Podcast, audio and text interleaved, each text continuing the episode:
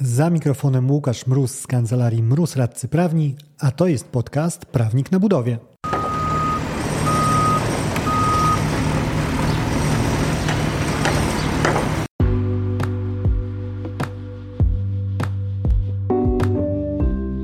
Prawnik na budowie. Podcast o wszystkim, co związane z budownictwem. Nazywam się Łukasz Mróz, jestem radcą prawnym i partnerem w kancelarii Mróz Radcy Prawni, w której na co dzień pomagamy firmom budowlanym sprawnie prowadzić projekty. To kolejny mikroodcinek, czyli krótki strzał konkretnej wiedzy na konkretny temat.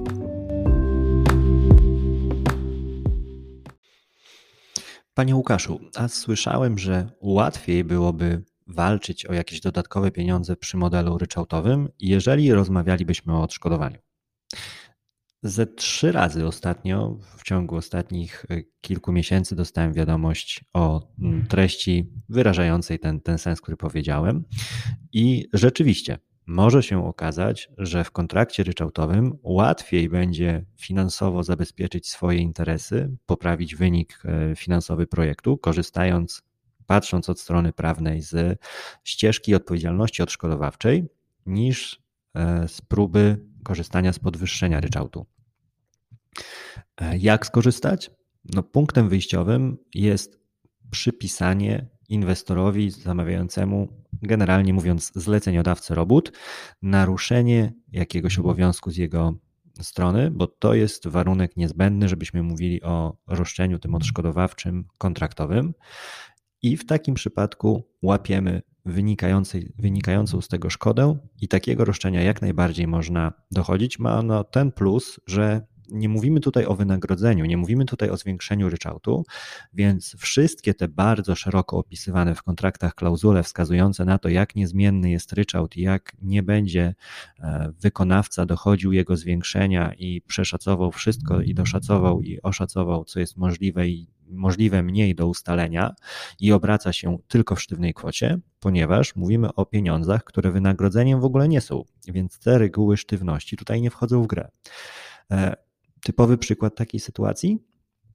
Przedłużenie czasu realizacji z powodu okoliczności leżących po stronie zamawiającego inwestora, znowu zleceniodawcy, mówiąc najogólniej.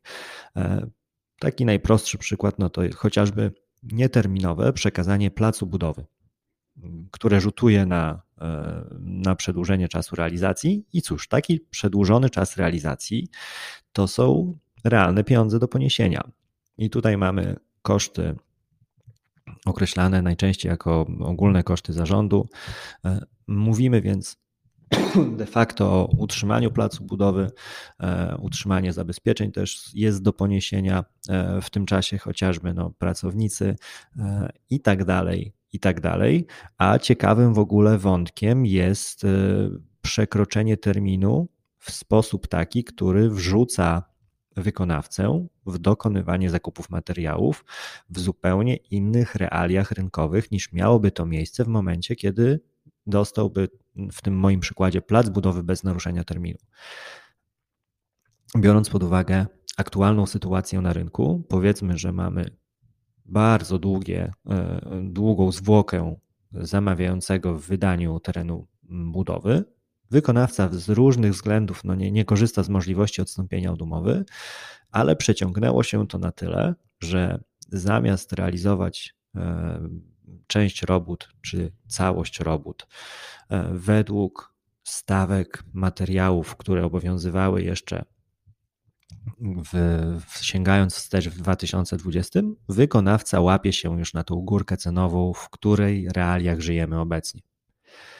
No i tutaj jest otwarta droga do rozważenia, kalkulowania tego, czy takie roszczenie nie powinno zostać wysunięte, ponieważ e, z takim najprostszym uzasadnieniem, czysto logicznym, gdybym miał od razu e, dostępność prowadzenia robót, e, miałbym od razu wszystko zakontraktowane, pracowałbym na materiałach, które kupowałem w tamtym czasie, poniósłbym kosztów nieporównywalnie mniej niż muszę ponieść teraz, kiedy wrzuciłeś mnie, mój drogi zleceniodawco, w realia e, pracy na innych warunkach rynkowych, jeżeli chodzi o ceny do poniesienia.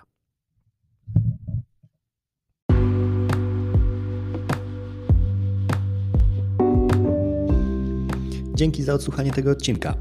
chcesz się ze mną skontaktować?